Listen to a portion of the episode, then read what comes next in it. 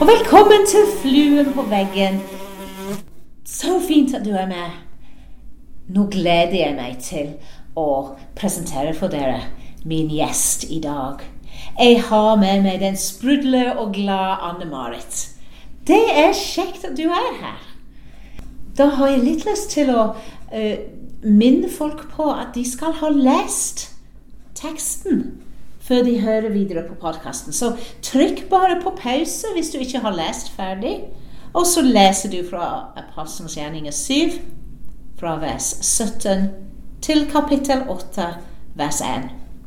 Og så kommer du tilbake til oss. Anne-Marit, kan ikke du si litt om hvem du er? Ja, hvem er jeg? Jo, jeg heter Anne-Marit, og jeg jobber her i Tananger menighet som ungdomsarbeider. Ja. Som òg er verdens beste jobb. Jeg får lov å være med ungdommer. Jeg får lov å følge dem gjennom flere år og se hvordan de modnes. Og det syns jeg er sykt kjekt. Eh, ellers så er jeg eh, gift med Tor Inge, eh, mor til to gutter. To unge menn, Ole og Stian. Det er, kort heldig. om meg. Du er heldig. Ja. Mm. -hmm. Men jeg har gitt deg en utfordring. Ja. Jeg utfordret deg til å lese den teksten som eh, alle har nå lest. Og jeg lurer på hva var det som du stoppet opp med når du leste det? Det jeg stoppet opp med, det var at Stefanus han, han forteller liksom veldig mye om Moses. Og alle de utfordringene som Moses møtte. Og det som jeg hang meg mest opp i, det var faktisk at han brukte veldig lang tid, Moses, før han førte folket ut av Egypt. Eh, han, var, han var jo først 40 eh, år en plass, og var han 40 år en annen plass. Og så, når han òg hadde ført folket ut, ut av, eh, av, Egypt, så var de 40 år i ørkenen. Så Moses var jo en veldig gammel mann. Han var en pensjonist før han begynte ja, med det? Han var 80 år før han begynte. Eh, så det, det, det liksom Jeg syns det var litt sånn Jeg har jo hørt den historien mange ganger, men nå når Stefanus fortalte denne historien på nytt for meg òg. Så tenkte jeg wow, dette er snakk om lang tid. Mm.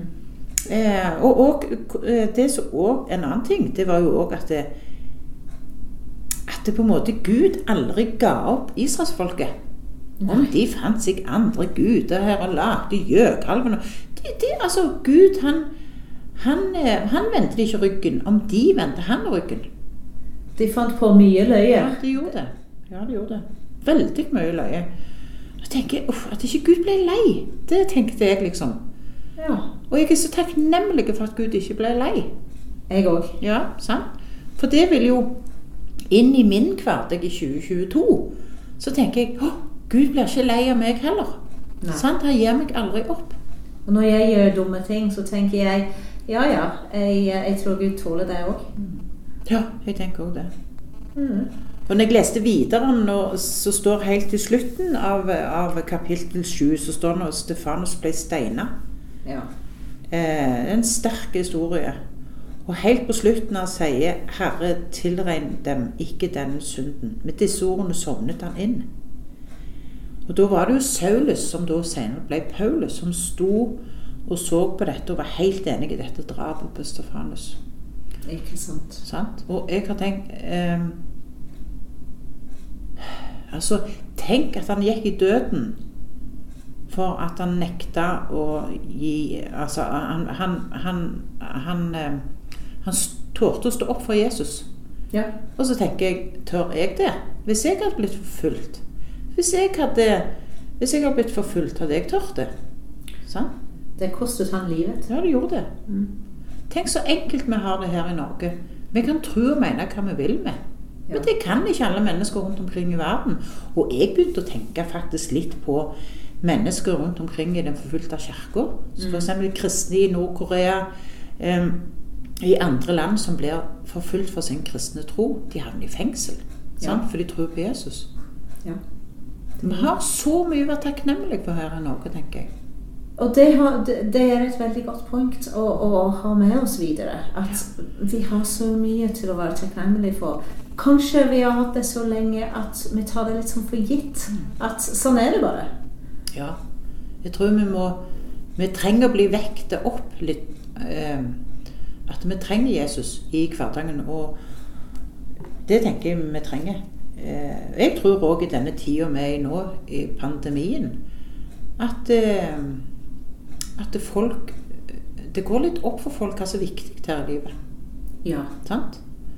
Eh, Hva er det som er viktig? Hva er det som gjør, gir livet verdi? Hva er det som er viktig for deg? ja. Hva er det som er viktig for meg? Når det kommer til sist, liksom.